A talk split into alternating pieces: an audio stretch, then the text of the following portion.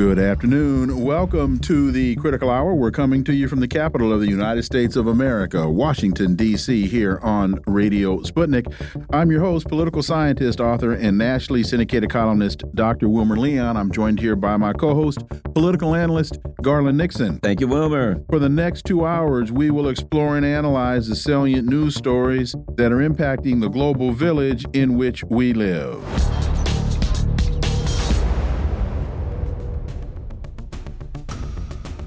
Hezbollah leader Hassan Nasrallah warns Israel all possibilities on the Lebanese front are open. Our first guest understands that the first casualty of war is truth. Long-standing disputes, never adequately resolved, have again exploded in serious violence with horrific human cost to civilians on both sides of the conflict. The conflict now threatens escalation to global catastrophe. A ceasefire is the urgently necessary first step. The first step is a compromise agreement that meets the minimum demands of both sides. That agreement, however difficult to achieve, should be guaranteed by the rest of the world. For insight into this, let's turn to our first guest. He's a professor of economics emeritus at the University of Massachusetts Amherst and a visiting professor in the graduate program in international affairs of the New School University in New York. And uh, he is Professor Richard Wolff. As always, sir, welcome back. Well, I'm very glad to be talking with you again as we have in the past. So, uh, to my open, uh, you've you have a couple YouTube postings up uh, citing uh, what I what I just uh, quoted you. Uh, it, your thoughts on on where we are, and more importantly, your thoughts on how to move forward. Okay, um, this is a contentious topic. It's dividing many people around the world, um, and so it's kind of hard. And I'm I'm always asked about it, and I, I want to answer in a way that is respectful as much as I can be to what I take to be the most vital interests that are clashing here. And here's how I understand it. Uh, and I hope people will listen and, and think about what it is I have to say. Number one, uh, the Palestinian people have been an oppressed people for a very long time. And if you go back to the founding of the state of Israel, even though the oppression of most of the Palestinian people goes way further back than that by a variety of oppressive groups and social forces. But at least since uh, 1948, which is now, as anybody can count, about 75 years, the Palestinians have been um, oppressed by the conditions into which they were thrust when people outside of that part of the world, by and large, the great the British Empire, which was still um, in its final years of existence at that time, took the initiative and responded to a portion of the world's Jewish community uh, that had just gone through the Holocaust, in which many Jewish people were killed, as everyone knows, particularly in Germany and Poland and places like that. So there was a global sympathy for the suffering of Jewish people at that time, which was certainly one of the most extreme efforts at ethnic cleansing that that that our human race has racked up. And so they were given the Zionist portion of the Jewish community. By no means uh, all Jewish people, by no means even a majority. The Zionist movement was relatively small um, within the Jewish community, but they were the ones uh, that pushed for this. They had been for a long time. And so a state was created for them, a Jewish state, a place to which Jews could go with the idea that they would be safe from the sort of horrific persecution they had suffered uh, from the Germans and, and so forth. And the notion that you do not correct the oppression of a people by arranging to have them oppress another group of people which was nobody's intent. I think somehow even the Zionists didn't want to do that, but they were put into a situation where they did that. And whatever the reasons pro and con of why they did it, we ended up with 75 years of, of an oppression. There's no nice way to get around that. And an oppression always creates, always creates a growing difficulty between the oppressor and those who are oppressed. They don't understand each other. If they really did, they couldn't continue that oppression. There are forces fighting against it. There always were, both on the Palestinian side and on the Israeli side. There were those who wanted a different way forward, who wanted an accommodation, but the forces against that on both sides prevailed. And the United States has been the dominant power in the world for this entire time, from the beginning of Israel in 1948 to this moment that we're speaking. The United States government has been the dominant political force in the world and undertook to be a peacemaker, to be uh, a friend, to be uh, the kind of power broker that could and would and should solve this problem, find a way for Israelis and Palestinians to live in peace without either one of them oppressing the other. To be honest, and that's the only thing we can be at this point, that attempt of the United States to play a role to solve this problem has to be labeled for what it is a complete failure. They didn't do it. They didn't get the job done. Uh, they tended to do things which we would nowadays call kicking the can down the road. And that's why we have the explosion that we have today. Because not only was the problem not solved, but in terms of what has happened since October 7th, it's clear that the problem is more severe, more horrible uh, today than it ever was uh, in the long history of this uh, effort uh, to bring peace that has failed. I don't think it's reasonable to wonder why uh, Hamas, the particular organization that expresses the extreme of opposition uh, among Palestinians. It, why, why anybody should be surprised that they ended up doing this sort of thing uh, mystifies me. This is what happens if you oppress entire populations for long periods of time where the suffering goes from generation to generation. I'm not excusing uh, murdering civilians, uh, and I'm not justifying it but I am trying to understand why it happens because that's the best thing we can do if we're serious about overcoming it. Yelling and screaming and pointing the finger of blame doesn't get you very far. Understanding why it happens is the best shot we have.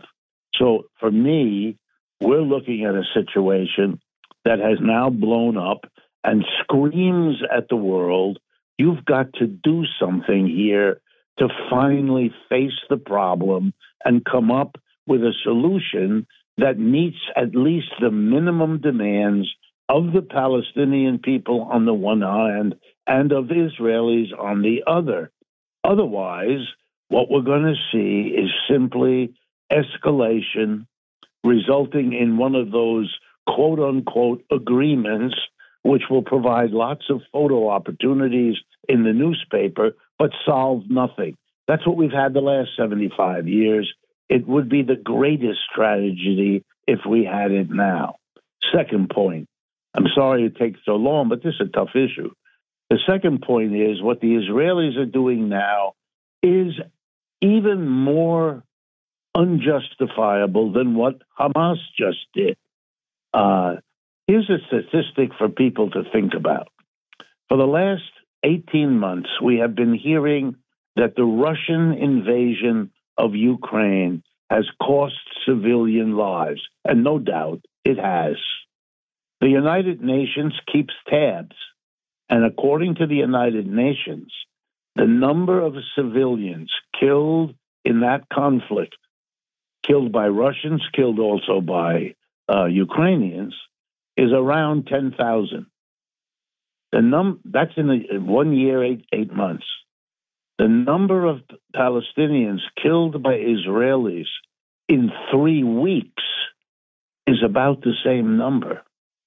So that the level of violence, the level of killing, the level of indiscriminate, and I mean that, indiscriminate. Nobody should be fooled by being told uh, they're using human shields or they're building tunnels.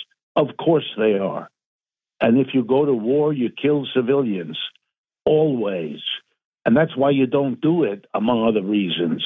But the notion that either side could have precision weapons that only kill other soldiers and never damage civilians is make believe. That has never been true in any uh, significant war, not in Ukraine, not in uh, Israel versus Palestine. If you go to war, it's because you don't care about the civilians that you know will die, even in the in these horrible numbers that we're seeing now. So, given all of that, whatever the complaints Israel has about Palestinians and vice versa, the first thing that a human being ought to feel is that the killing should stop. Stop and give a place for an alternative way of solving these problems. And for me, I'm, I'm, I don't know what words to use. How disappointed, I'll use a polite word, how disappointed I was to see that the reaction of President Biden and of most of the political class that runs this country, rushing, stumbling all over themselves to celebrate Israel, to use the phrase right to self defense as if it were an excuse for wholesale killing. It, this is, and, and beyond being the contradiction of any morality or ethics that I know of, or that is celebrated in any one of the world's religions, besides the violation of all of that, it is politically stupid. It means that the United States and Israel are backing up one of the most right wing governments in the world right now, which is that of Mr. Netanyahu. It is supporting a leader who can't get a majority of his own people, Israelis, to vote for him anymore. The polls inside Israel are split. Half or more of the people are not in favor of what the Israeli government is doing. Why in the world should the United States give Israel a blank check? And the proof of, the absurd stupidity of this is the fact that three weeks in now, our leaders, Mr. Blinken at the State Department, Mr. Biden, are backing away from what they just did and suddenly discovering that a ceasefire is what we need, which is what good people around the world, including many Israelis uh, and Palestinians, have also advocated from the beginning, not just three weeks in. And nothing has changed. Nobody is fooled by not saying ceasefire and saying instead pause. Every ceasefire in the world that ever happened was a pause. And every pause was a ceasefire when it had to do with war. And, and the, the games, as if we are playing with political name dropping, is pathetic. This is a very serious problem.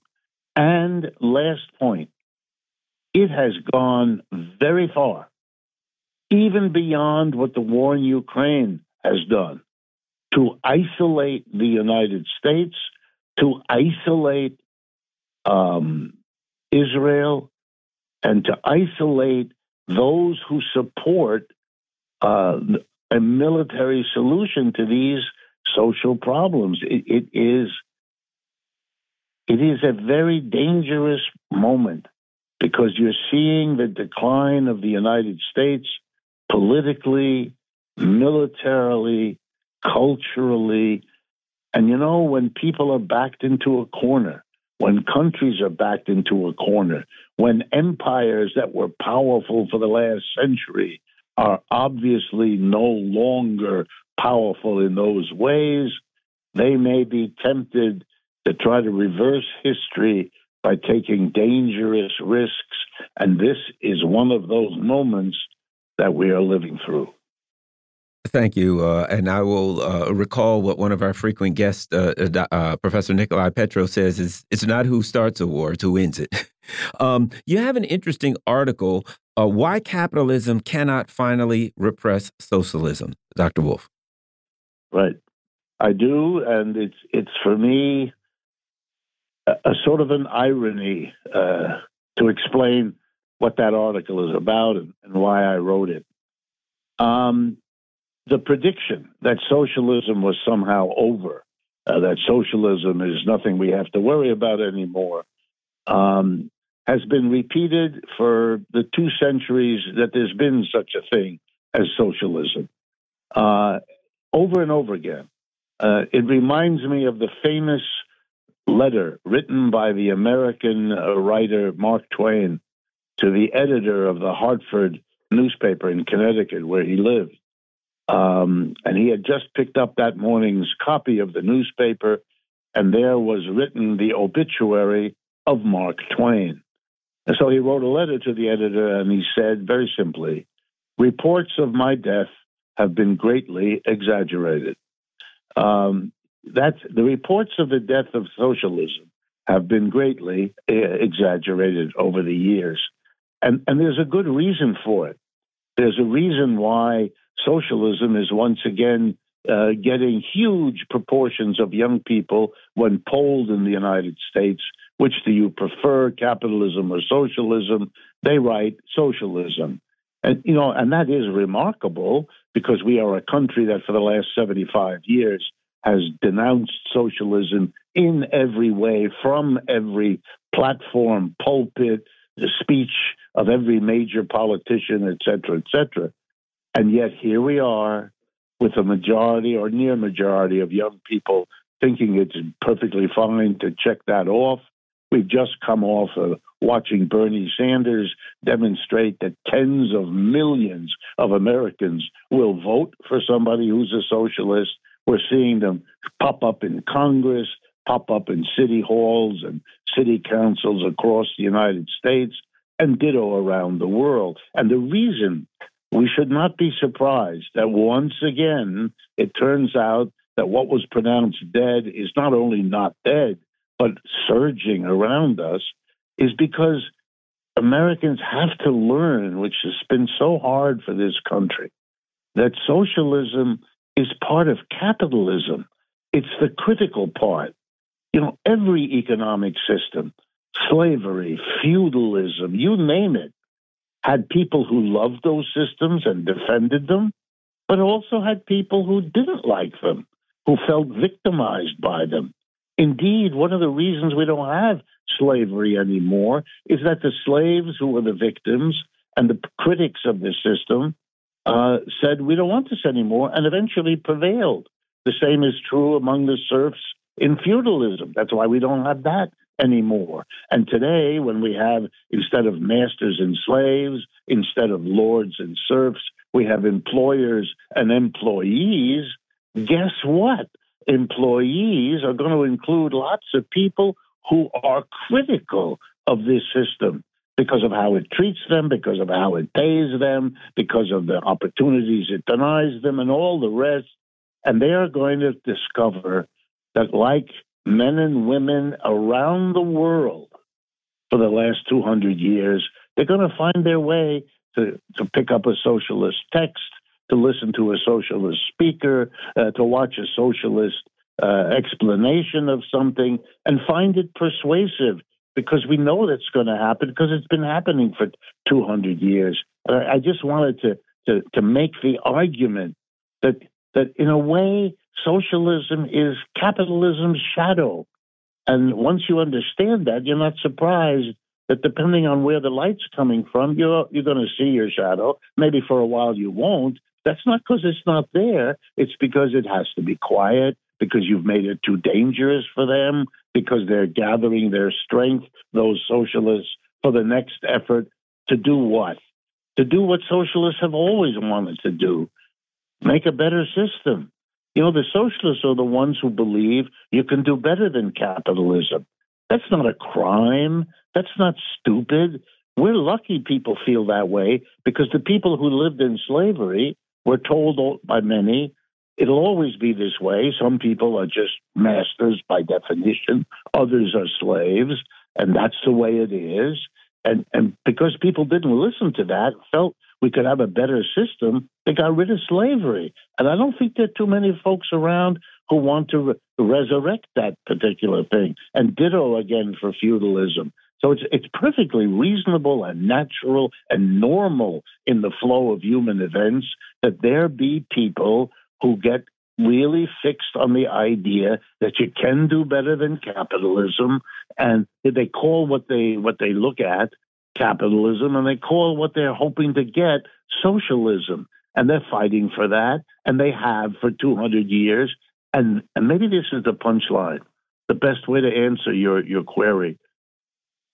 They are not going to go away. And you, you have killed them, you have imprisoned them, you have deported them, you have, you know, beaten into submission the rebels among them, just like was done to slaves, just like was done to serfs. It didn't prevent those systems from being eventually overcome, and it's not going to do that for capitalism either. And it seems as though the capitalists are like Punxsutawney Phil. They see their shadow, and we know what comes after that.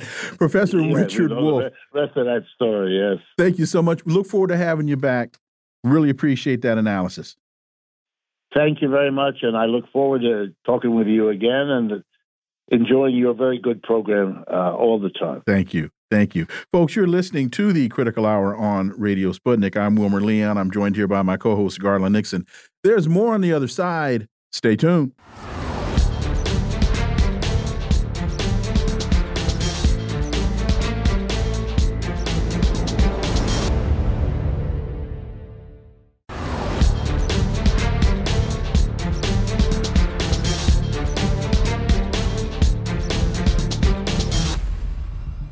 We are back, and you're listening to the Critical Hour on Radio Sputnik. I'm Wilmer Leon, joined here by my co host, Garland Nixon. Thank you, Wilmer. Sayed Nasrallah says on the Lebanese front, all options are on the table. After 28 days, Syed Hassan Nasrallah breaks his deliberate silence to address unraveling developments in Gaza and the Middle East.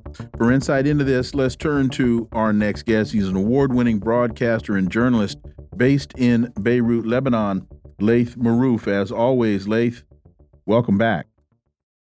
Great to be with you guys. So, uh, Hezbollah Secretary General Syed Hassan Nasrallah confirmed today that Operation Al Aqsa flood was 100% a Palestinian decision and its execution was 100% Palestinian, adding that, quote, its initiators kept it concealed for everyone, even from other Palestinian factions and resistance movements, which they did not mind, end quote. That, if, if you, to me, Laith, just unpack that one statement, there's an awful lot there.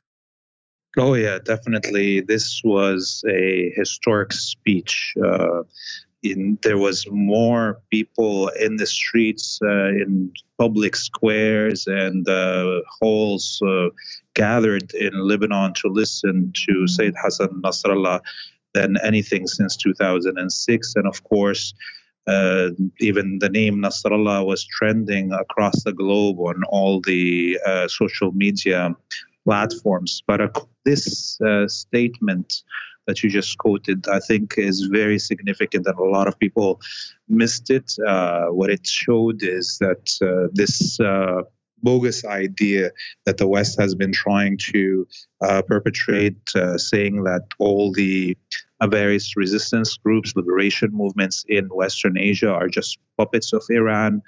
is a myth uh, and it's propaganda. And all of the peoples in Western Asia fighting for liberation and freedom are doing it for their own uh, rights to be achieved. And of course, there'll be an alliance with others, but nobody dictates uh, how you liberate yourself.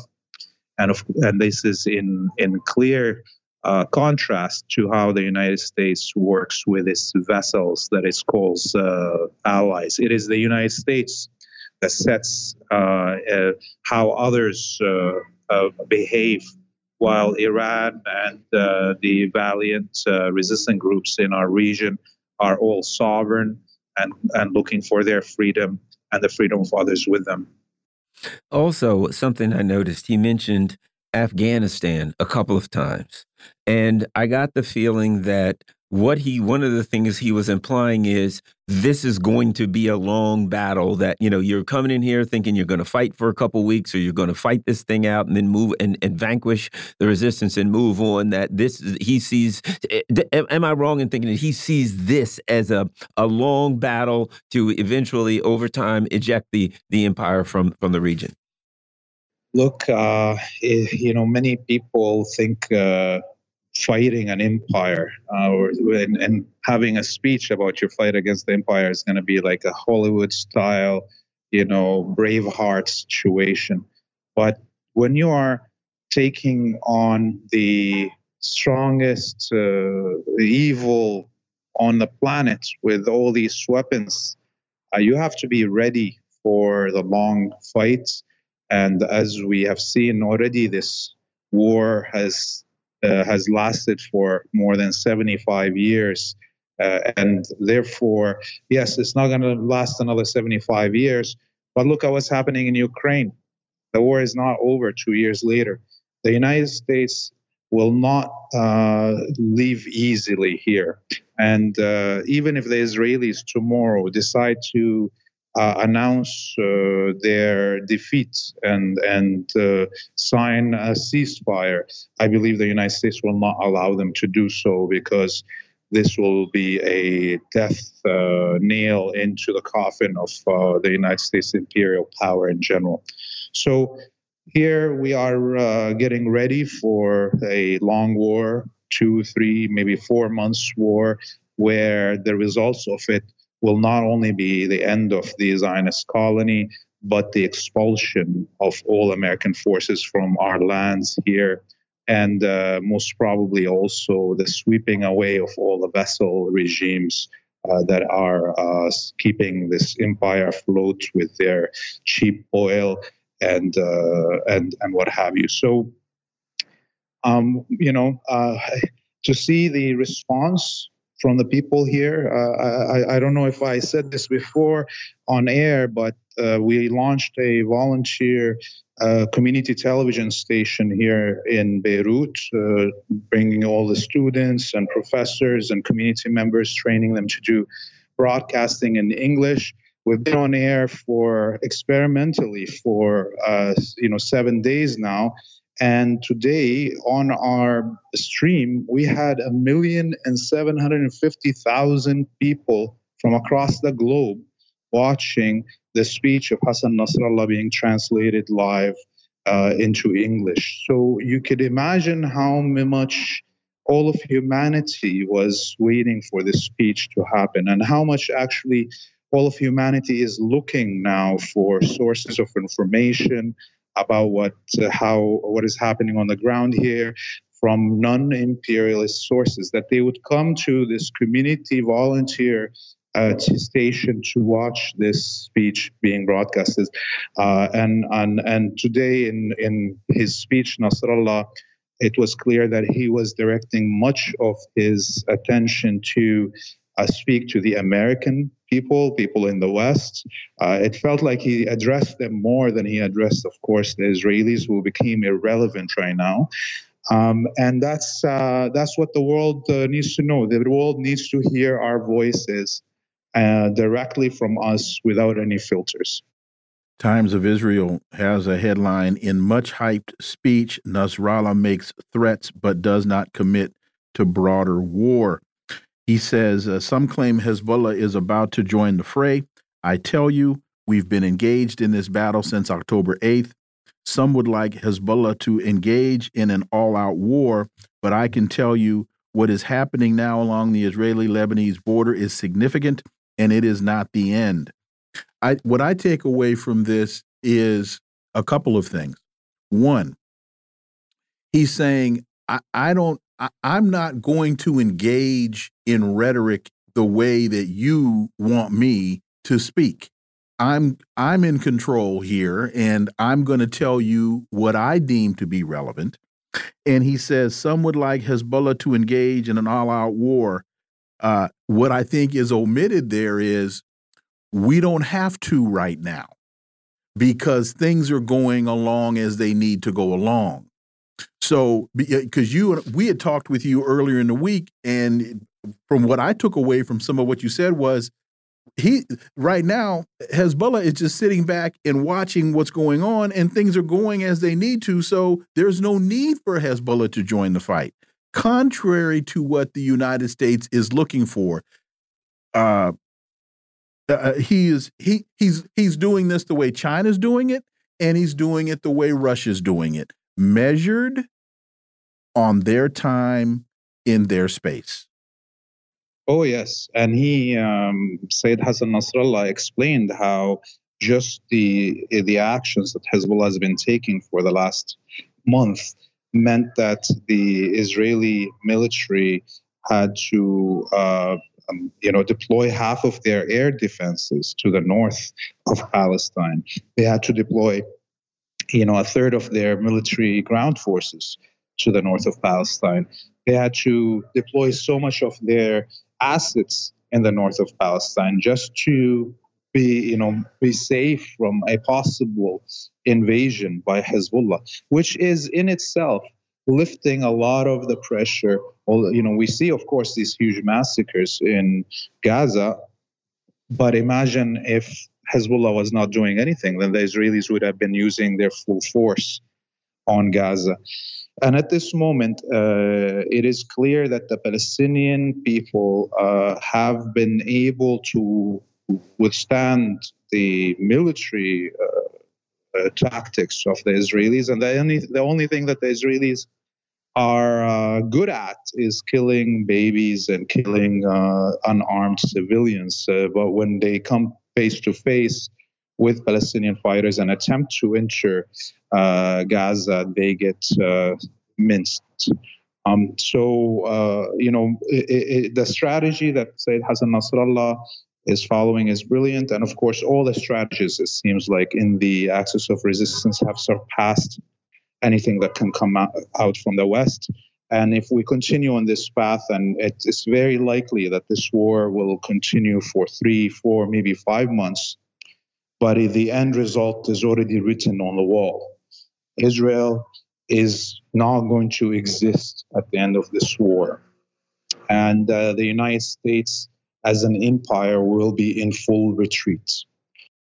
Interesting that one of the things that Tony Blinken has said now is this this is not just about dealing with Hamas in terms of defeating it physically, it is about making sure that it can't repeat what it did on October 7th.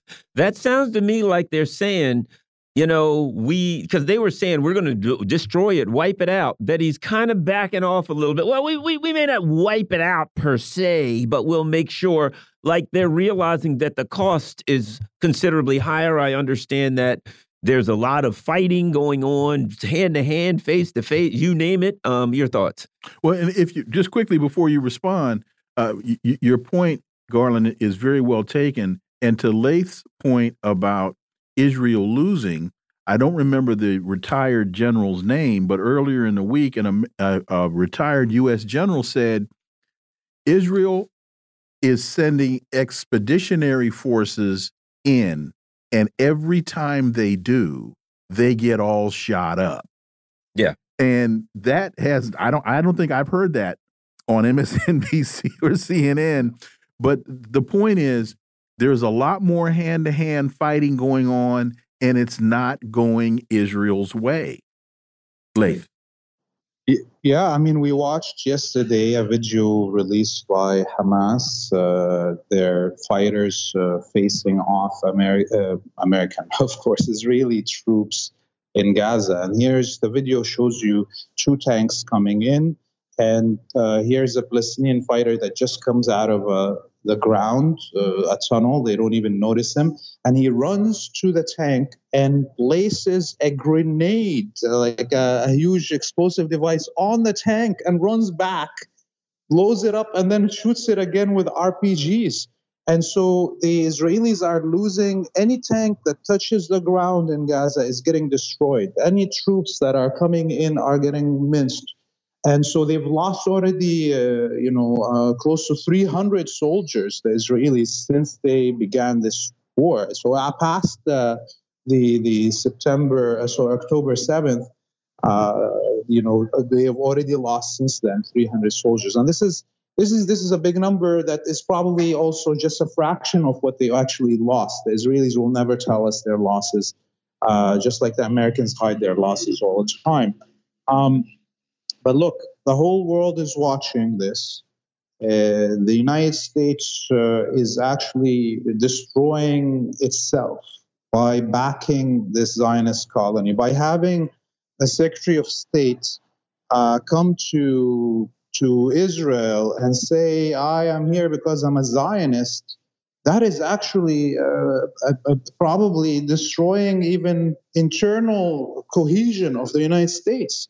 This is a, a, a Secretary of a State of, of the United States saying that he's there because he's more loyal to Israel. Okay, so anything that the Americans uh, government and elite are doing to show their stance with this genocidal colony is actually fracturing the United States internally more so. Can we imagine after this war is over, whether it's by the military defeat of the United States or by their admittance and ending the war and admittance of, of their uh, you know defeat and stopping this war a, with a ceasefire and a peace treaty. In both cases, the internal uh, infighting that was happening inside the United States is just going to accelerate. They will be cannibalizing themselves uh, in the elite in the United States and similarly in Israel. In, so the end is clear for everybody. And uh, I don't think uh, the elites in the United States and the West uh, are able to comprehend these things because they've lost their marbles. Laith Marouf, as always, thank you so much for your time. Greatly, greatly appreciate that analysis, and we look forward to having you back. You have a great evening. Folks, you're listening to the Critical Hour here on Radio Sputnik. I'm Wilmer Leon. I'm joined here by my co host, Garland Nixon. There's more on the other side. Stay tuned.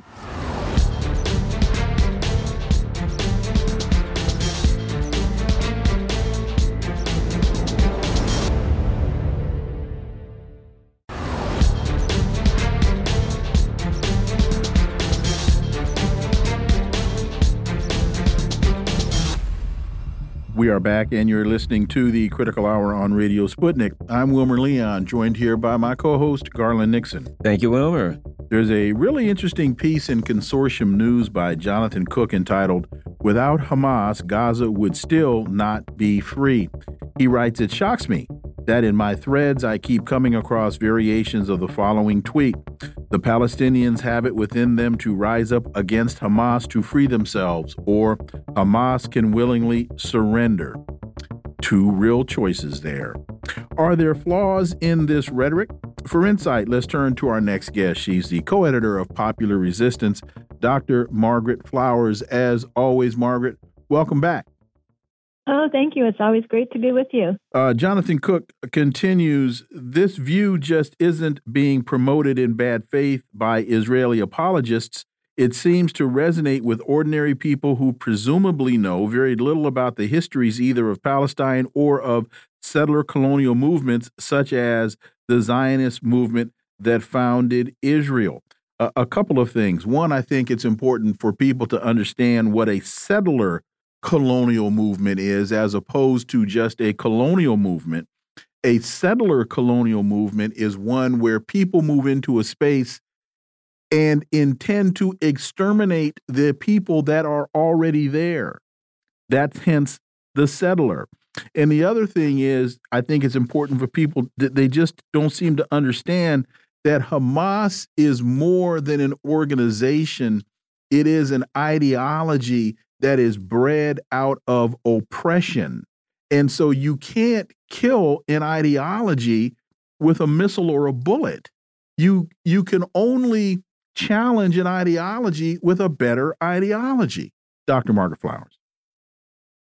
Right. And I think, and he, and he points out that, you know, people, most of us living in the United States, Canada, Australia, New Zealand, are in settler colonial states where, you know, it's not surprising that you're finding this strain of thought because we often don't confront the fact that our country is founded on the basis of the American genocide and, uh, you know, killing the vast majority of Native Americans and pushing them off their lands and into what many of them consider to be prisoner of war camps. Uh, not, you know, we call them reservations, but to many Native Americans, they consider them prisoner of war camps. So I think one of the points that he makes that's really important is that, you know, he's, he's saying that, look, you know, people are focused on the tactic that Hamas used to break out of this open air prison where they've been under a severe blockade for 16 years, barely getting enough supplies in to survive. Um, but on the West Bank, where Hamas isn't present, it's no better for the Palestinians. Mm-hmm. And they continue to live. I've, I've, traveled there. I've been to refugee camps. I, I visited one in Bethlehem where the residents have lived there now for generations and continue to have the keys to the homes that were stolen from them, where there's an Israeli occupying force base overlooking the refugee camp, and the members of that force regularly come into the camp for no reason. They may just steal things from the from the people. I, there was a story of a young boy who had a bicycle, and the forces came in and just took it from him for no reason, where they attacked them, harassed them, they've even killed them, including killing children. Uh, their travel is restricted. You know, the, the conditions are severe there too. So what we need to be talking about is not what Hamas did this or Hamas did that. And as you you know talked about the ideology, that's important to discuss too. But what is the reality for Palestinians? What is Israel really? And I think what happened on October 7th has brought this front and center worldwide as it should be. But just really quickly, th there is a reason. I, I know the reason why the the the IDF went in and took that boy's bicycle was the demonstration of you control absolutely nothing. That any time, this is total dominance. Anytime we want to come in, we come in, we do what we want, no reprisal, and we go back home. That's why they took that boy's bicycle. Yeah. Yes. And Dr. Flowers, here's a perfect example of what you're talking about. I'm looking at something right now. I only had to search for a second. Israel kills at least 10 Palestinians in occupied West Bank. So, as you said, Hamas is not in the West Bank. They're bombing and attacking the West Bank. So, the, the, the, the, the point of the article is it's not really Hamas. It's not the issue here. It is a Hamas is a natural out come a natural outcrop of this kind of uh, uh, settler colonialism and violence. And, of, and as you said, they're killing people in the West Bank right now, so they can't be going after Hamas is there because even Israel does not argue that Hamas is in the West Bank. In fact, many will argue that one of the reasons why Hamas was so successful on the 7th of October is because Netanyahu was distracted by what's going on in the West Bank, where Hamas it does not reside. Uh, Dr. Flowers. And I think it's important for people to, to think back to 2018 when there was a prolonged campaign in Gaza called the Great March of Return, because Palestinians actually have the legal right to return to the homes that were stolen of them. And so daily they were just protesting at the wall of Gaza saying, We want to go back to our houses. And what happened? Uh, Israeli snipers were targeting uh, they killed them. They killed medical people. They killed press people. They were disabling people by shooting them in the knees. They were snipers were killing uh, children. So it was pretty clear, I think, to the people of Gaza that you know, and also they were part of the BDS, the Boycott, Divestment, and Sanctions campaign that's been going on for more than a decade now, with the hope that, like what happened in South Africa with the boycott there against apartheid, that this would be a tactic that would work. But, you know, they've been failed over and over again as they've tried other tactics. So it's, you know, it's uh, it came to a situation where things were escalating for them, and this was what they chose to do. I don't think that we have the right to criticize uh, to criticize that. But people need to understand that, that this, you know, there were other methods that were tried. Common Dreams has a piece. Dick Durbin becomes first U.S. Senator to call for ceasefire in Gaza. And the subline is Thank you for listening to tens of thousands of Jews calling for peace, wrote the Jewish American Advocacy, Group, If Not Now. Two things that jumped out at me about this. One is Dick Durbin uh, from Illinois, Democrat from Illinois, calling for a ceasefire. The other is the Jewish American Advocacy Group, If Not Now, because this conflict is put into the context in Western media of an attack on Jews and an attack on Judaism.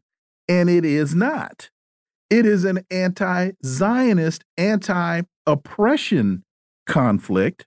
And as evidenced by a Jewish American advocacy group saying, Thank you, Dick Durbin, for doing this. This makes sense not all Jews in the United States are behind the oppression that is being exercised by the settler colonial government in Israel.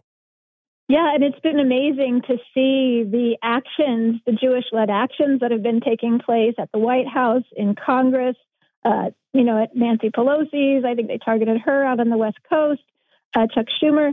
So they're making this point, and I actually met with a, a rabbi in uh, Jerusalem when I was there, who talked about the fact, exactly as you said, that actually Zionism goes against the beliefs of Judaism. That Zionism is completely separate from Judaism. So you know we can criticize the Zionist project, and that has nothing to do with with being anti-Semitic or having any feelings whatsoever about uh, people of Jewish faith. It's it's a completely separate issue. And uh, actually, members of that community, and they have signs up on the wall. I took pictures that say Zionism is not Judaism, um, are being also targeted by the Israeli occupying forces. Unfortunately, who are going in and tearing down their Palestinian flags and and attacking them uh, in that community. But I think you know Durbin is responding to these amazing protests that are that are going on. Uh, he needs to be moved further. He's talking about you know, of course, they're talking about trying to release the hostages that the uh, Palestinians have in Gaza.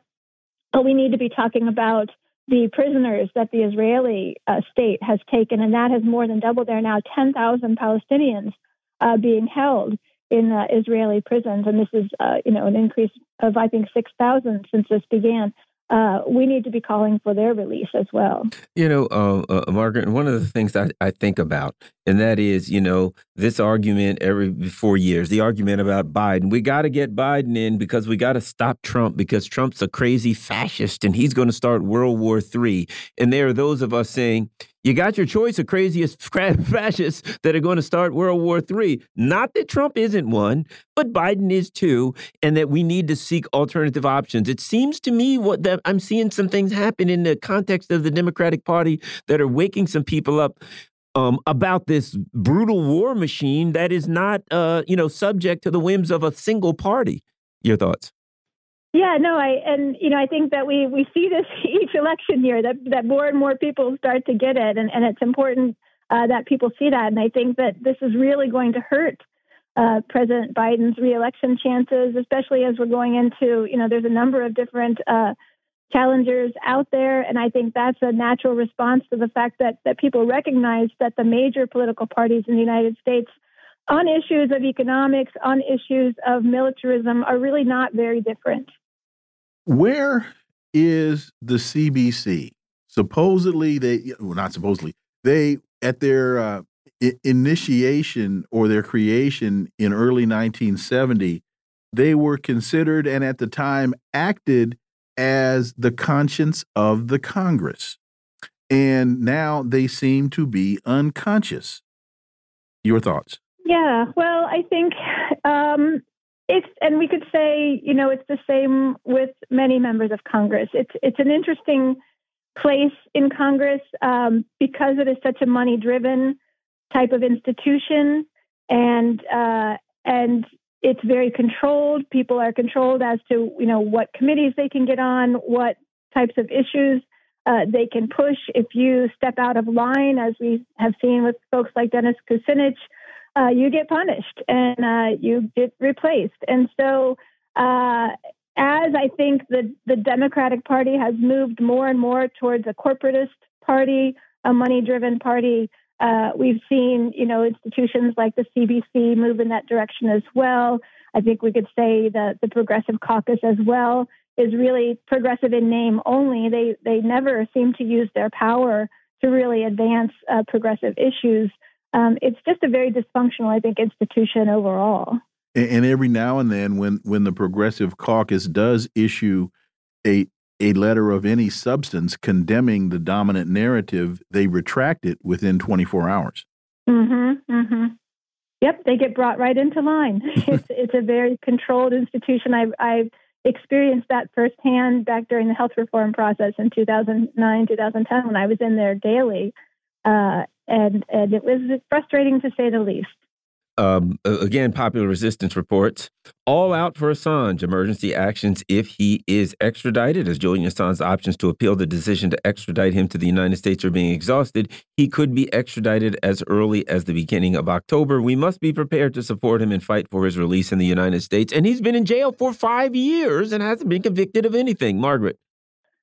That's right. And I think, you know, with everything that's been happening in, in Palestine, rightly so, folks have been uh, moving their attention in that direction. But we do have to re remember that um, Assange is at the last of his appeals. And the appeals court has already signaled in the United Kingdom that this is going to be a, a very scripted and most likely a denial of his appeal not to be extradited to the United States.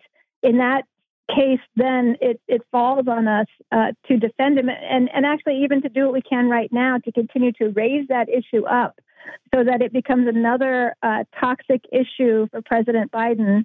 Uh, for his administration, because it really is the United States that that's controlling this process in the United Kingdom. It's a completely political situation, as you said. Assange has not committed any crime, um, but the United Kingdom is following basically, you know, what the United States wants them to do.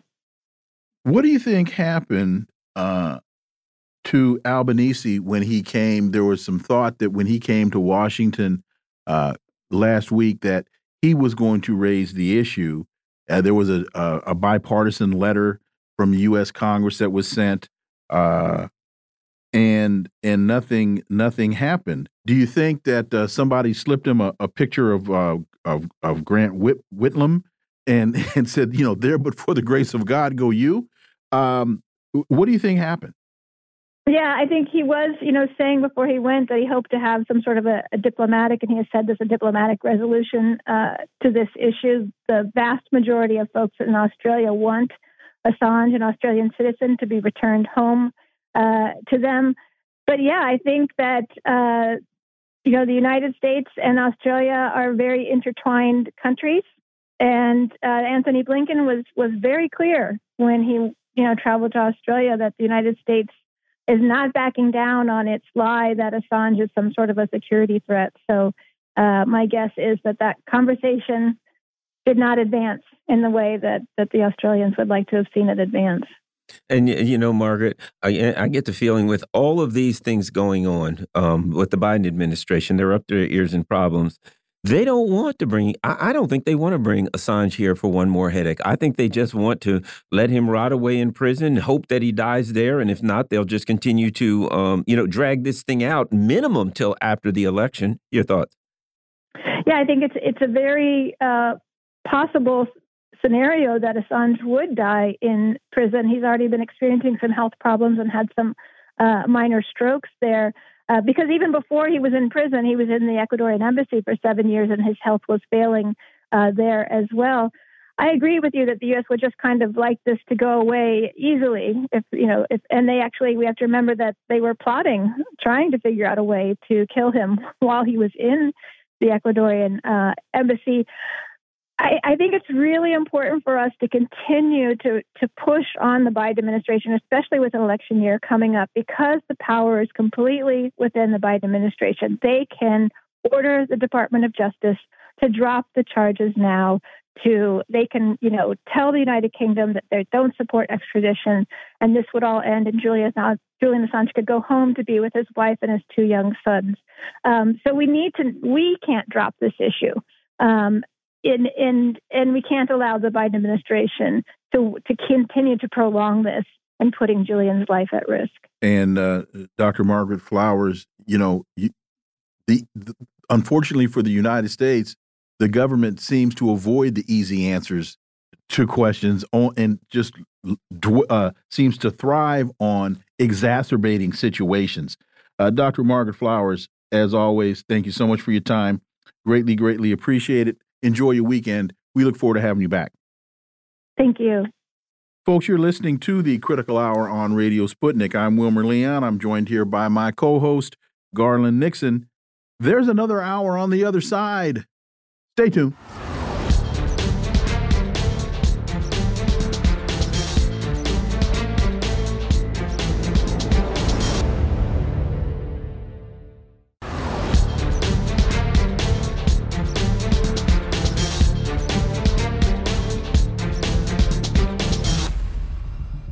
We are back, and you're listening to the Critical Hour on Radio Sputnik. I'm Wilmer Leon, joined here by my co host, Garland Nixon. Thank you, Wilmer. The Guardian reports top UN official in New York steps down, citing genocide of Palestinian civilians. Craig Mokhiber, director of human rights body, accuses the US, UK, and much of Europe as wholly complicit in the horrific assault. For insight into this, Let's turn to our next guests. It's Friday. That means it's panel time, and we're joined by the host of AM Wake Up and Slow News Day, which you can watch live on Rokfin and Rumble and listen anywhere podcasts are served. Steve Poikonen. As always, Steve, welcome back. Happy Friday, everybody. Thanks for having me. We're also joined by an independent journalist whose work can be found at Substack and thepolemicist.net, Dr. Jim Kavanagh. Jim, welcome back. Thank you for having me again. Uh, so, Craig Mokhiber said that the UN had failed to prevent previous genocides against the Tutsis in Rwanda, Muslims in Bosnia, the Yazidi in Iraq, Kurdistan, and the Rohingya in Myanmar, and wrote, High Commissioner, we are failing again.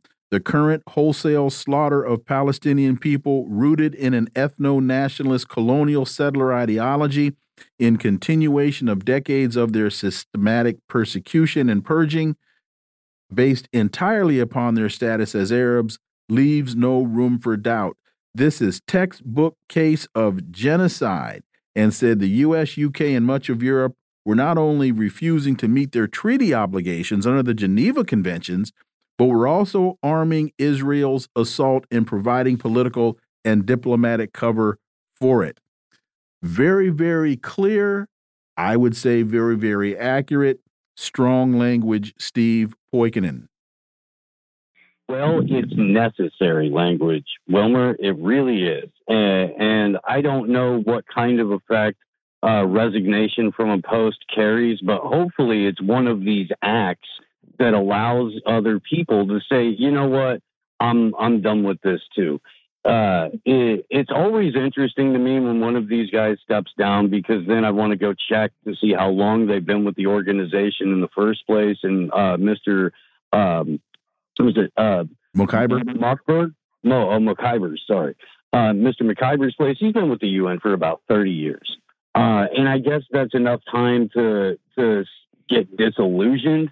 But all of the reasons that he listed uh, are absolutely accurate we've been watching, we've been forced to watch, we've been held hostage by social media and uh, and the traditional media.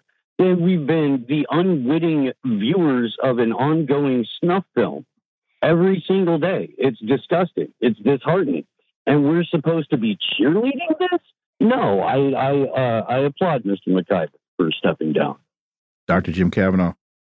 Yeah, uh, Mokhiber's description, as you say, is 100% accurate. This is a textbook case of genocide, ethno nationalist colonial settler situation, which requires the expulsion, extermination, or subjugation of the population, and that's what the Israelis are doing. They exterminated and expelled hundreds of thousands in 48. They've been slow, they had to slow that down for 75 years and try subjugation. That hasn't worked. Uh, and that's what Hamas action on October 7th demonstrated. They will never subjugate the uh, Palestinians to passivity. So they have to try mass extermination and expulsion sudden, quick. And that's what they are doing. And it's a world historical crime that we see unfolding done by the Israelis and the United States, which provides the weapons and the material and the political and military support. And it's horrible to do to watch this and to feel so helpless to stop it.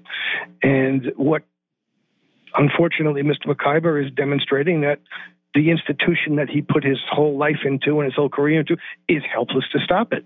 And that's why he resigned. It is a very drastic and severe situation that is not going, is not even half over and is not going to end well. You know, uh, uh, Steve, let me ask you this. It seems to me, you know, we've seen, you know, the invasion of Iraq. We've seen the U.S. empire involved in a lot of hor horrific genocidal crimes. But, you know, with the videos that are coming out now, with the um, technology now that you can see these things, you know, in real time, Hamas releasing videos, we're seeing videos of dead people being and children pulled out of the rubble, et cetera it's it's it's up close and personal. It's not like you know the old wars where the only thing you would get would be some grainy video from the camera where it dropped a bomb and it went right in the window and they said, "Look at this great technology." This is real, and it seems that in the U.S. in the Empire, there's a different kind of anger. It seems like. At any rate, your thoughts on that, Steve? A different kind of anger is the urgency to make sure that you short up every last little grasp of the empire as it's in real time collapse. I think what you're seeing uh, is a lashing out from a United States that is finding itself with fewer and fewer allies around the world, and in Israel that feels genocidally compelled to wage this war. Uh, they're doing it, but as we were all talking about, they're doing it in front of everyone in, in a very intimate way to the point to where Jim is, you know, even echoing something that uh, Nasrallah was saying uh, yesterday, last night, with that uh, that ultimately the U.S.'s financial aid and material support is, is the root of the problem here. Jim. Yeah, uh, you know, it really is horrible watching this. What happened today with that strike in front of the hospital, where again, the bodies of children, the the the, the, the a strike on the people who were driving south as the Israelis told to them to on the road, and we're and we're the bodies are all over the road, and you know it's a war against children. Seventy percent of the uh, casualties are women and children, and you just see these bodies of children all over the place, and the Israelis are doing that deliberately. They are striking against not Hamas. There's no soldiers here of any kind. They're all civilians and mostly children and women. And as Israel wants to reduce the Palestinian population, they consider the Palestinian Arabs inferior species and they want to get rid of them. And they're telling them, if you stay there, we're going to get rid of you by killing you. So get out. We'll expel you. And they're going to try and get the world, someone in the world, the United States is going to try and buy off Egypt with canceling its foreign debt to let two million people be expelled by Israel into the Sinai or something. I don't think that's going to work, and I think they'll blow up. You know, we're in, we're in a situation where the world might be blown up over this, and the Israelis do not care. They will blow up the world over this. It's extremely, uh, uh, and we're watching. I said this, as you say, this is the first time we watch it. Hour by hour, we can see what's going on. You know, Steve, it's terrible. Steve, there's something else I think there's a great consequence here. And that is the actual rhetoric that we hear from the Israeli leadership. These people are animals. We hear things that are said about, I mean, that make it clear that this is a violation of international law, that they're disregarding civilians, that civilians, well, they support Hamas. Therefore, they are legitimate targets. There has never been a war that you couldn't argue, well, the people in the city, in the country, in whatever it is, that's their government. So theoretically, they support their government. That's not the way international law works. But the rhetoric from Israel, the Israeli leadership, is so over the top, it's so brutal. And it, that it, I think that adds part of that's an element to this um, to to the reaction around the world also, Steve? Yeah, it's it's mind-boggling how even Joy Reid they lost Joy Reid. You guys, I don't see. yeah. I don't know if you saw that or not. Mm -hmm. But yeah, they lost Joy Reid. I, I guess there there is a finite number on how many hospitals you can bomb before someone from the mainstream establishment is like, "Hey, wait, hang on, that's not self defense anymore." And so I'm, I'm, in a sense, you know, relieved that we found out that there is a finite number to how many hospitals Israel can bomb before someone in the mainstream media gets that notices. Uh, but but while that's happening, you know, additional hospitals are getting bombed. UN workers, UN schools, that people who work for the UN specifically are in contact with the Israeli government, the Israeli military, to say, hey, we're here under a, you know, the effectively a white flag. We're providing humanitarian aid. They're targeted. So you don't get to hang on to a lot of friends in the light of all that atrocity. Steve, uh, I mean, I was going to say this, uh, uh, woman, you can add something too, and that is when you say these make these merciless statements and then a hospital is blown up and you say oh it wasn't me. Nobody's going to believe you. You know even though you know notwithstanding the evidence when you talk about the mercilessness of, of, of your reaction and as soon as a hospital blows up you go oh no that wasn't us. No nobody's going to believe that. I've been struggling with this how to how to frame this thought along that point.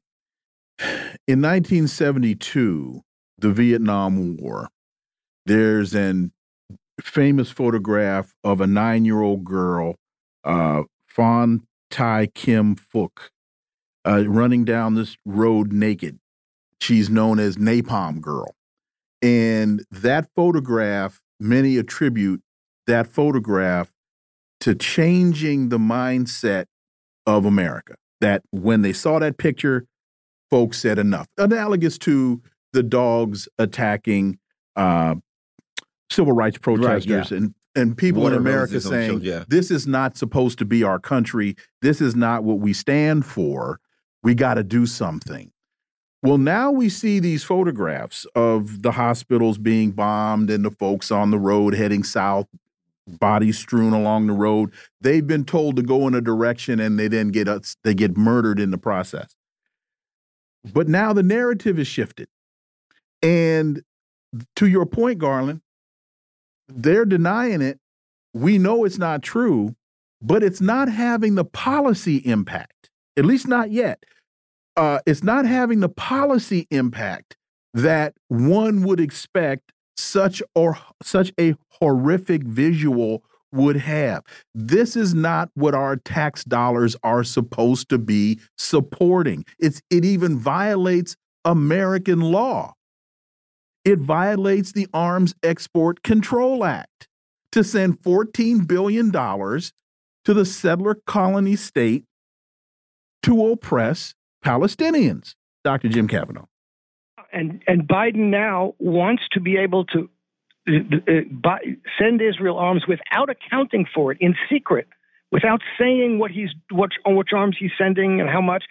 This is you know, it's outrageous what's going on. France wants to outlaw anti-Zionism, uh, and so, the, but what you're the, the, point you're making here is that the the, the distinction, this uh, the discrepancy between the emerging popular opinion and the emerging awareness of people in the country, certainly including Jews. I mean, watch Amy Goodman's coverage of the uh, Grand Central demonstration. Almost all Jews talking about my parents were in the Holocaust.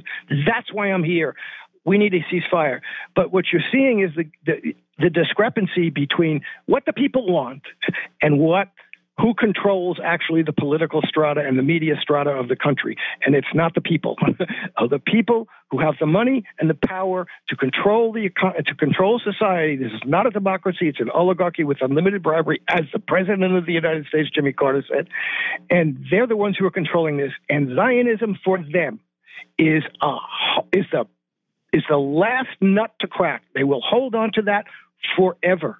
And they will do anything they can to try and prevent the defeat of Zionism, which is what's happening ideologically and what will happen in reality if this goes on much longer.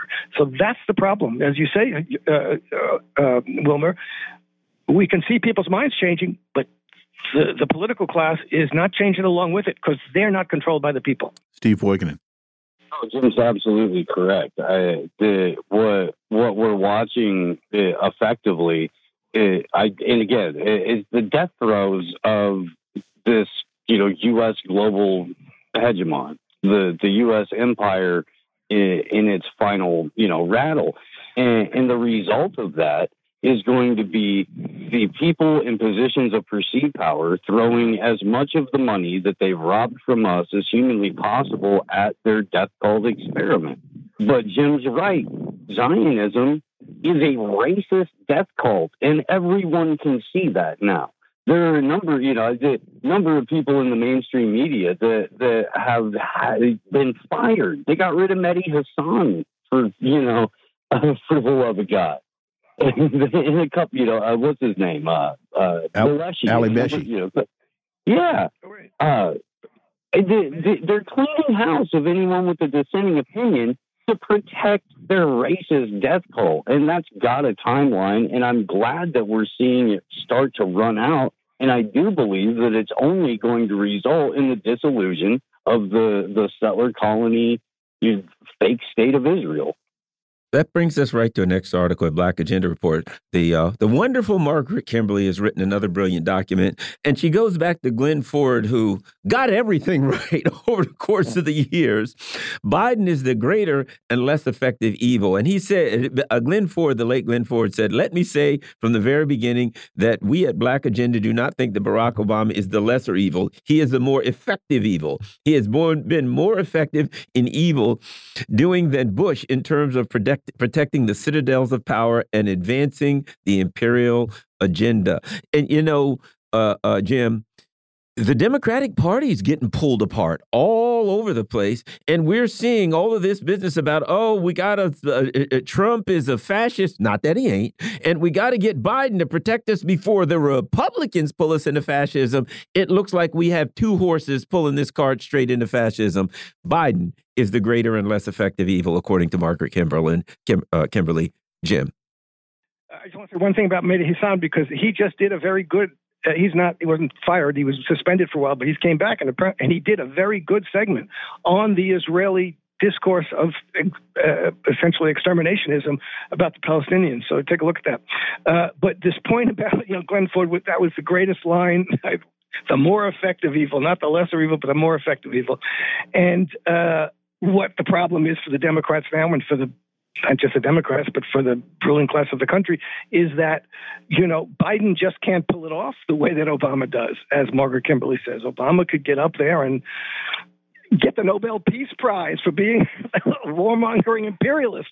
And Biden's not going to do that. Biden is just out of it, and he's he's bad, and he's, he's he's ineffective, he's incapable, and people see this. So they have a big problem. The Democratic Party has a big problem. The ruling class has a big problem. Trump is a complete jerk, and he's as you know warmongering as anybody. He's demonstrated that now. He's not going to save anybody from any of this drain any swamp. Uh, he's as, uh, as thoroughgoing Zionist warmonger as Biden is. So they have a big problem, and Biden just can't pull it off the way that uh, that Obama does. Obama was, was a confidence man, and he was good at it. But Biden is a bumbling old codger, you know, at best. So I don't know what they're going to do, and I'm I don't I, I, I, do not count out the, the, the the possibility that the ruling class will coalesce behind RFK Jr., who's got 22 percent running at, at, right now with 22 percent uh, in a three-way race. Uh, so, uh, and he's a very staunch Zionist, and he's also a good he's also a good frontman, much better than than either uh, Biden or uh, Trump. But I don't know. It's a total mess. And that's why they have to try and keep control of it and not allow any discussion or debate that's outside of their control. And and Steve, even you know, and that's the other thing too. When you look at this elections, Trump, uh, Biden, who I don't think they're going to be able to run for any number of reasons. I think this finishes him off when they see uh, the numbers after this. But of course, Trump is jumping up and down, screaming, "Yay, go! Let's go get him!" And RFK Jr. is right there along with him. We see the ruling elite when it comes down to it. I mean, I would think RFK Jr., even if he was an Israel supporter, would say, "Well, when you look at this one now, they're killing a bunch of innocents." Nope the, uh, the ruling elite, which RFK Jr. is a member of, is united in their support of what is clearly that the UN people are resigning clearly genocidal, unthinkable acts. Your thoughts, Steve?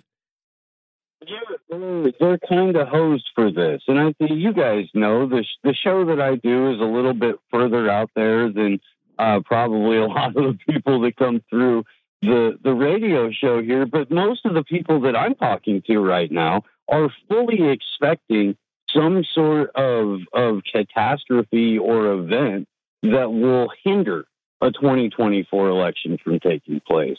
And so somewhere in the middle of they can't run Biden and they can't hold an election. Somewhere in the middle of that, I believe, is where, where we're going to see the reality of it, which is more or less going to look like, and I don't like to make predictions, but uh, just the usual election shenanigans that were that we've seen the last, you know, my whole life, um, but seeing them increase over the last several years I think we'll see an exponential upticking in the, by the way, this is a charade. It's not legitimate in any way, shape, or form. Your vote doesn't matter, and we're going to show you why now. I think we'll see a, a lot of that with likely with a figure like Gavin Newsom. Moon of Alabama has a piece The war is lost. Zelensky will leave. The White House has failed. And the, the piece, the, what a difference a year makes uh, last year, Zelensky was on the cover of Time Magazine Person of the Year. Now, the most recent, uh, or the October 30 issue, nobody believes in our victory like I do. Inside Vladimir Zelensky's struggle to keep Ukraine in the fight, the offensive has proceeded at an excruciating pace and with enormous losses, making it ever more difficult for Zelensky to convince partners that victory is around the corner. With the outbreak of war in Israel, even keeping the world's attention on Ukraine has become a major challenge. Jim Kavanagh, oh my, what a difference a year makes. But there are still a whole lot of folks, still a whole lot of Democrats, even Mitch McConnell, wanting to send your hard earned tax dollars into that rat hole. Look, yeah, it's clearly a losing battle. Uh, this was an amazing uh, Moon of Alabama uh, talking about an article in Time magazine that was amazing article about how delusional Zelensky is because he thinks they're still going to win. And the people around him are trying to say, well, you know, we've got to be realistic about this, and he doesn't want to be. Uh, and uh, but as you say, there are still people in the American apparatus, still neocon apparatus, who don't want to, and the Europeans who don't want to give up on this. Uh, again, uh, this is a dangerous time. Zelensky's desperate. Uh, we can look forward to the possibility of he's going to try and maybe do something with the nuclear power. He tried to strike a nuclear power plant in Russia, trying to create a nuclear incident of some kind, which is something very dramatic that will bring the attention back to him. Unfortunately, you know, he's learning what it is to be the side piece, and Americans' true love is Israel, not him. And uh, they are out of ammunition, and there's only so much they can give to their proxies, and Israel's more important, important than uh, Ukraine is. So I don't know what, what's going to happen. And but I don't count them. I don't count out. Uh, they're still fighting hard, and I don't count out that they'll do something again to create uh, a, a, dramatic incident, and it's going to be a huge loss for the United States the day they sit down, the day Zelensky or whoever's in charge there sits down with Russia and takes their terms. And, and, and, let me add this, Steve. All along, my position has been on Ukraine is you are what your record says you are, and what the what the neocons do when they went to uh, Vietnam, they said the communists can't win. They left the communists are in power. They went to Afghanistan. We got to stop the Taliban. They can't win. When they leave, the Taliban's in power. That at some point they're going to pull up out of Ukraine, and when they do, Ukraine's going to look to Russia and say, "Hey, uh, can you work with us?" And Russia's going to be running Ukraine. They're going to walk away, in my opinion, and and take the L and pretend like nothing ever happened. Steve. Without a doubt, without a doubt, it'll be a multi-billion dollar black mark on solely the record of feeble old Joe Biden. Boy, that poor old timer got talked into one heck of a jam there in Ukraine, didn't he? And that's how they're going to try to frame it. They're going to try to frame it like bad Republicans gave him the advice, like Jake Sullivan and Victoria Nuland are dyed in the wool disciples of Leo Strauss. The that's what and eh, and it's I don't think they're going to be able to get away with it anymore. This is this is so blatantly going terribly wrong for everyone who's been lying to them for the last nearly 2 years. They they never had a leg up to begin with. It was all built on uh, a house of BS, uh, and it's collapsing. They're done. Even Zelensky is telling people, I have generals and military commanders that are refusing orders in advance. He's finished. He's finished. But what does that mean, Jim Kavanagh?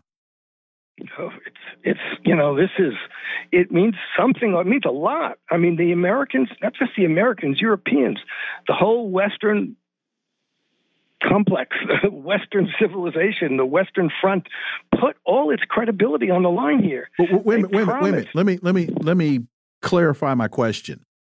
What does it mean because this wasn't about Ukraine? This has always been about destabilizing Russia. So when Zelensky gets tired of taking this whipping, and however that manifests itself, whether he's able to walk away or whether they carry him out of there.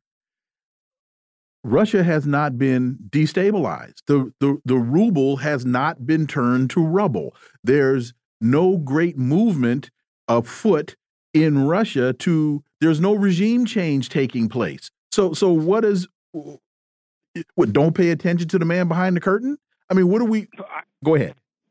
Yeah, I don't see how they can hide it. I mean, it's, as you say, it's not just about Ukraine. It's NATO. It's the whole imperial project. I mean, they put everything on this, and and that's what I'm saying. The whole Western project, uh, it, uh, that is, you know, with the United States in the chair, is undermined in a way that I can't see how it can survive it. You know, NATO hasn't been strengthened by this. NATO will have been weakened. Russia hasn't been, you know, the sanctions from hell haven't destroyed Russia. Russia hasn't been, its army hasn't been shown to be, you know, uh, a weak uh, paper tiger. The army of Russia is now the strongest army in the world, the most capable. It's got experience, it's got weapons, it's got and it's defeated NATO. The entire NATO world has been supporting uh, Ukraine, which had the, the the best NATO army in Europe, and they were defeat, defeated twice, three times, and they just can't rebuild them for, for for a fourth time or a third time. So this is a huge defeat for not for not just the United States, but the whole concept of the West that's existed, oriented, you know, centered around the son of the United States.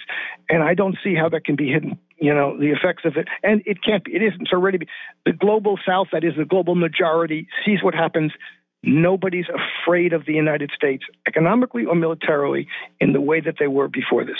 And, you know, Steve, here's the thing, too. It would be one thing if the U.S. was just taking an L here. The Muslim world is done. They are, you know, we, we regularly interview people, we interview Laith, and basically what we hear is the Muslim world is saying we deal with Russia and China, we're done with them. We see what's happening in Africa. If, if the U.S. was just taking an L in Ukraine, oh, maybe they do something crazy on all corners of the earth, they are flopping like a flounder. Steve. Without a doubt, Garland, and it's happening you know, with Taiwan too. Everywhere the U.S. has been or is trying to get to is rejecting them wholesale. And that's going to turn the U.S., at least historically, more militaristic, more violent if uh, well, not if, but assuming the Democrats lose in 2024, whomever the Republicans throw in, whether it's Trump or anyone else, is going to go full ham on coups in South America and coups in Africa and in Southeast Asia because that's the only way the American foreign policy establishment knows how to behave. So it's a it's a uniquely dangerous time but as everyone's been pointing out for quite a while, the rest of the world isn't playing. So when the rest of the world stops playing, there's going to be a short window of time where they're going to say, look, we can deal with this economically, or we can all unite militarily. and I would certainly prefer to see the the war waged on economic fronts since I live in the middle of nowhere and grow my own food. Steve Poikonen uh, Dr. Jim Kavanagh, gentlemen, thank you both so much for your time. Thank you so much for your analysis. And enjoy your weekends, and we look forward to having you guys back. Thank you. Folks, you're listening to the Critical Hour on Radio Sputnik. I'm Wilmer Leon. I'm joined here by my co host, Garland Nixon. There's more on the other side. Stay tuned.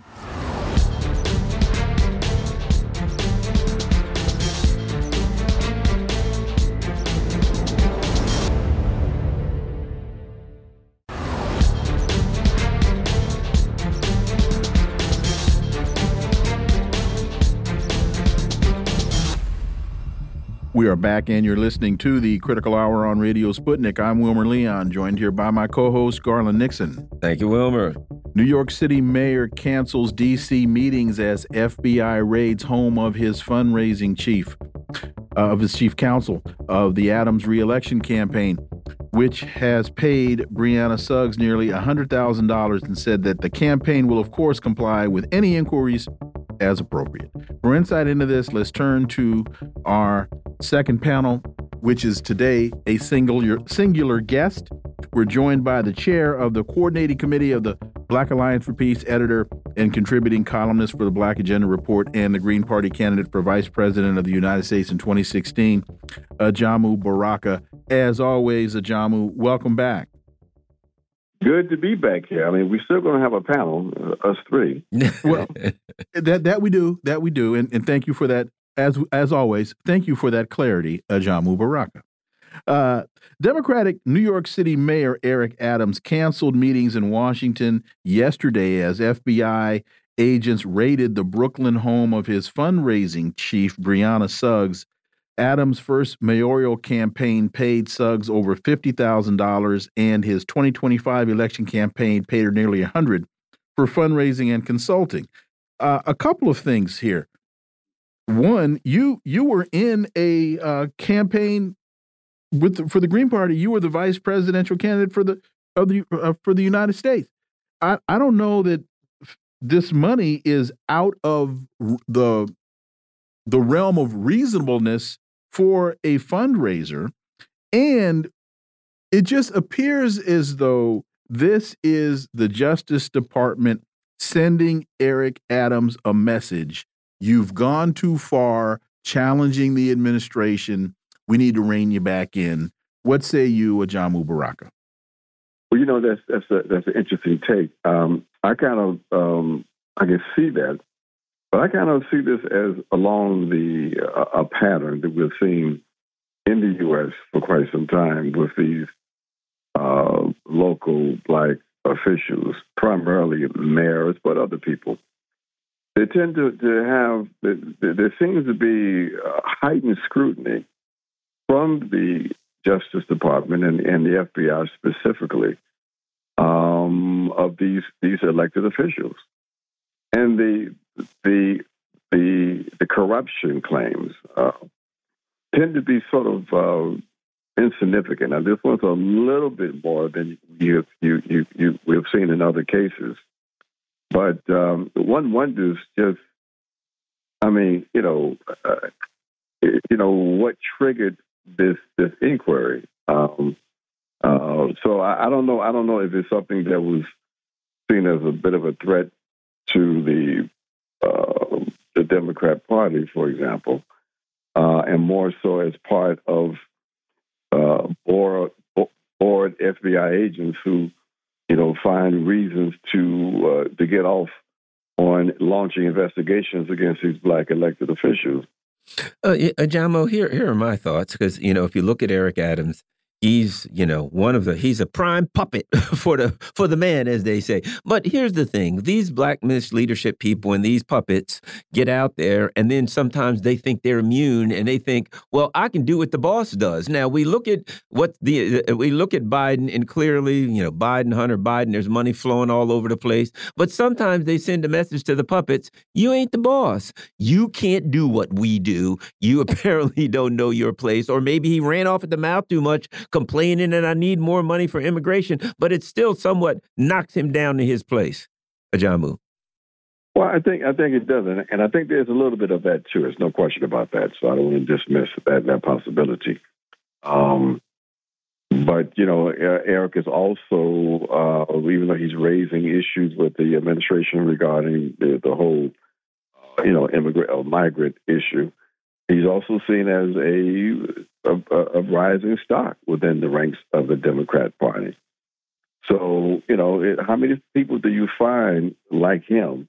who in fact is willing to serve the boss in the ways he serves the boss, um, with the kind of background he has that they prop up as, as giving him additional credibility uh, to articulate these these lines that are uh, basically reactionary and policies that uh, that are not in the interest of, of the black majority and the Latino majority and the working class in New York and really across the country. So it, it's it is a very interesting thing. I mean, it could it could just be that this individual they may have had uh, the eyes on, on, on her for quite some time, but uh, the kind of money that that that they probably brought in is is, is you know, and, and it's not even clear what what is what is being alleged here in terms of of the uh, of the uh, the allegations.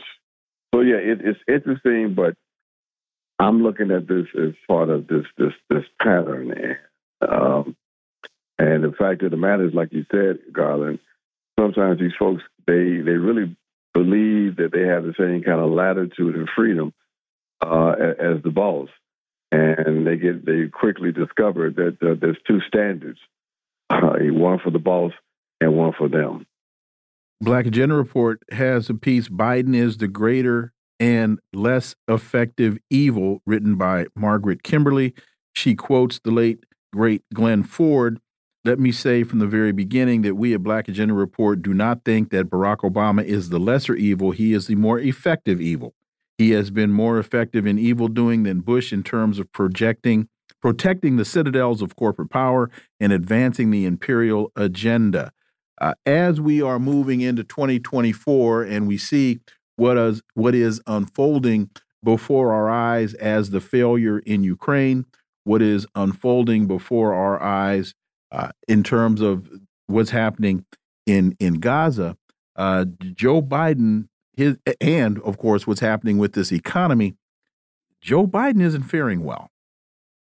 No, and the Democrats are not faring very well, and that's and actually the the both parties are not are not faring very well as a consequence of these these policies, these policies of rage, of arrogance, of, of believing that uh, impunity can last uh, forever, um, and it, it's it is they are now experiencing the political blowback from their own uh, policies. So uh, the Biden administration, you know, and this is really his last few months because I, I, I predict, and I've said it on this show before, that Biden will not run for reelection. But it's not going to be any too much better for any Democrat uh, who may uh, put their their their hat in in the, in the ring uh, because it's it's going to be very difficult. Now, they uh, for them to defeat the, the nominee at this point, who is probably going to be Trump. Now, it may Trump may not get a chance to win if the Democrats uh, compound their mistakes further by attempting to to put this individual in jail uh, or, or, not allowing that person uh, Trump to run, which means that the entire electoral process is going to be delegitimized in 2020, 2024. Uh, so it is, uh, you know, this is a unprecedented um, development uh, uh, in, in, in, U.S. political history. And, you know, it, it, at this point, you can't even predict what is going to happen. This whole thing, in my opinion, uh, can, can spin out of control uh, in 2024 uh, with a with uh, a civil war, massive continued and deepened delegitimization. Um, I think the U.S. Uh, project is in big trouble, more trouble than people think uh, may recognize. Yeah, and and you know, with this uh, uh, Israel circumstance right now, this this situation, it appears to me that they are losing people, particularly young people, people of color, um, more left leaning people, that they are losing more people. I've seen more pushback against the Democratic leadership than ever, and they were they're just in lockstep, you know, lockstep with the Republicans. Right now, we see the perfect example of Biden and Trump both jumping up and down, uh, screaming for more, you know, Israeli violence in absolute agreement right across the leadership of the of the Democratic Party and the Republican Party. But there are a lot of young people, even a lot of uh, uh, progressive Jews, etc., who are aghast at this, and I don't think that Biden and his crew recovers from this. They don't. The, the, Democrats don't recover. The U.S. state does not recover. Israel definitely would not recover. I mean, we are. I think we have, have, have passed a certain kind of threshold of legitimacy, uh, where it, it's quite clear now to most people in the in the in the real world, the world beyond the the the ten percent of the population represented by uh, people in the U.S. and Western Europe, that um, the the the the interests being pursued by the West are interests that are in contradiction to and and and, and serve as an existential threat to all of the rest of us. And so it, it's you know the, the the the world is is is a aghast and and and they, and they are really concerned about what is what does the future uh, uh, present for all of us if these forces, these nations, uh, are allowed to continue continue to have the disproportionate power that they have and the ability to create these situations that we have the, the slaughter and genocide uh, in Gaza, uh, the the war in Ukraine, the 600,000 people who died in the uh, conflict in Ethiopia, the the war that no one talks about that's continuing right now, the civil war in the Sudan, the continuation of the situation in the Congo, and we can go on and on. The occupation forces, uh, U.S. occupation forces in Syria uh, and in uh, Iraq, the the uh, the intensified attacks along the Lebanese border. These folks are completely out of control. They they have they don't have a clue. They have no the policy uh, is not like strategic uh, clarity and direction. Um, and, you know, and, and the, the conditions are such, both in terms of the international conditions, but also in terms of the, the domestic uh, situation with the, the fear and anxiety that most people have regarding of their economic plight. I mean, the the the the conditions exist for a a really radical turn in U.S. politics, and that's why it's so disappointing and disheartening, really, that uh, we have uh, uh, Cornel West campaign that it just seems like it can't get itself together uh, to take advantage of this historical moment with this this this uh, fracturing of, of the of the duopoly and the, the loss of legitimacy of the electoral process. I mean, the conditions are ripe for a, a new radical populist uh, left movement, uh, and but we just don't seem to be able to get it together. Oh, one other thing we've we've been reporting this week. The Democrats, there's a new Speaker of the House, Mike Johnson. He's a Republican, and the Democrats are saying we're going to vilify this guy. We're going to turn him into a monster. Blah blah blah. And I'm thinking to myself, I'm looking at videos of whole families being blown to pieces, murdered, slaughtered, uh, all over the place. You know, I'm looking at a, a, a, a humanitarian catastrophe of people starving, and your answer politically is to say, "Hey, we're going to demonize this guy." That's so out of touch. Th that dog don't hunt no more. Those kinds of things are. If that's all they have, it's just absolutely pathetic. And and one other thing by demonizing him, what do you do? You bring the government to a halt. In the midst of this economy, in the midst of people in the streets and and and unemployment and all of the th the prices that all of the th interest rates, all of the problems that are affecting Main Street you're now just deciding you're going to bring the government to a standstill.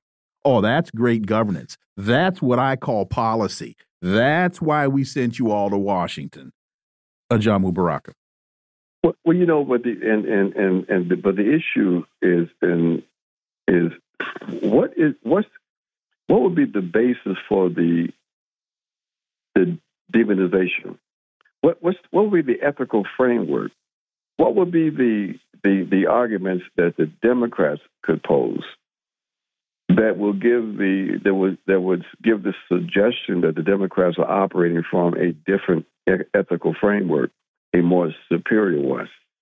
Especially as as Garland just pointed out, we see the consequence of Democrat policies in uh, in Palestine, in in in, on, in the Gaza Strip, uh, the immorality of, of not even being able to call for a ceasefire.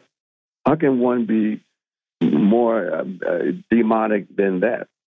So I think I think it, I think I think that, you know we're in a in a parallel universe, and that's why they are almost assured to continue to make these very profound historical mistakes. But also, it, it reflects the dangerousness of this moment because these people are completely incompetent. They they don't seem to have a grasp of reality, and therefore they cannot uh, make policies to get them out of the, the the dilemmas that they create for themselves. And when they create these dilemmas for themselves, all of us are impacted because of the disproportionate power that these freaks have. One of the things that I've been saying for a very long time, and particularly as it relates to the Democrats, is you can't compromise for the sake of political expediency on the front end and then try to claim the moral high ground on the back end. Those that's inconsistent. You, you, it doesn't. It, so as again, as we look at the Democrats Joe Biden trying to get $14 billion out of the House to send to Israel. As we look at the Democrats trying to continue underwriting the government of Ukraine. And the, you know the, the the list goes on, and we look at the, the failing infrastructure in the country, and we look at folks that are going into grocery stores stealing things because they can't afford to to put food on the table. All of the things that we, the Democrats are offering absolutely nothing and the Republicans are offering absolutely nothing.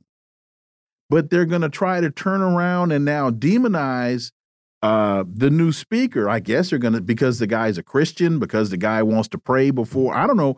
To your point, Ajamu, what's the what's the basis of their critique that does not wind up reflecting negatively upon them? They have no basis. That's, that's, that's their dilemma. That's their, their, their issue. They have no policies to, to point to that are progressive. In fact, all they, that, that, that their policies have, have reflected these last few years is uh, a deepening of the of the capitalist crisis. Uh, and the Republicans have very little or almost nothing to offer also. And that's why you have this deepening crisis because you have a crisis among the ruling elements a crisis among the ruling class. Uh, neither of the factions, the neoliberal faction that controls the state, uh, that is the hegemonic of, faction of the of the ruling ruling class, and the the, the more nationalist, uh, uh small and mid-sized uh, uh, capital, represented by the Trumpian forces. You know, they have nothing to offer either, but they are involved in this uh, this this internal struggle among themselves, uh, and we tend to be just sort of the the the, the witnesses, the, the spectators to this this struggle.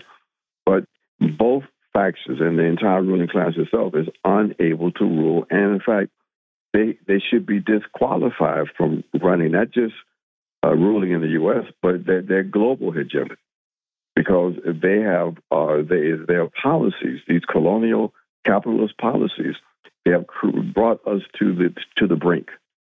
Uh, uh, our inability to deal with the climate uh, uh crisis, our inability to deal with the, the, the growing and deepening poverty worldwide, our inability to deal with the violence that seems to consume all of us, uh, the fact that you live in a society in the U.S. where you have 500 mass shootings up, up to this point this year, mm-hmm. and it's been sort of normalized. No one even talks about it. So this is this is we are we are living a science fiction movie in in in in, in many ways, and it, that's why I argue again that the the conditions for a a, a rupture uh, with this order exist, but at this point, there's nothing yet in the horizon that, that demonstrates that that, that to be an organized uh, eruption, even though people are demonstrating and people are uh, beginning to shift their awareness uh, and, and, begin to understand that the interests of the ruling class does not reflect their interests.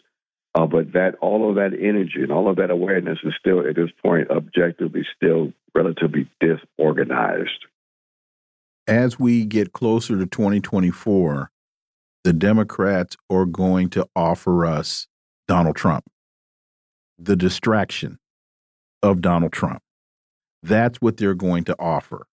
And it's going to be, we're not him, which is the same thing primarily that, that Joe Biden ran on. Well, he ran on a whole lot of stuff that he promised to do and then has been unable to get a lot of that, a lot of that stuff done.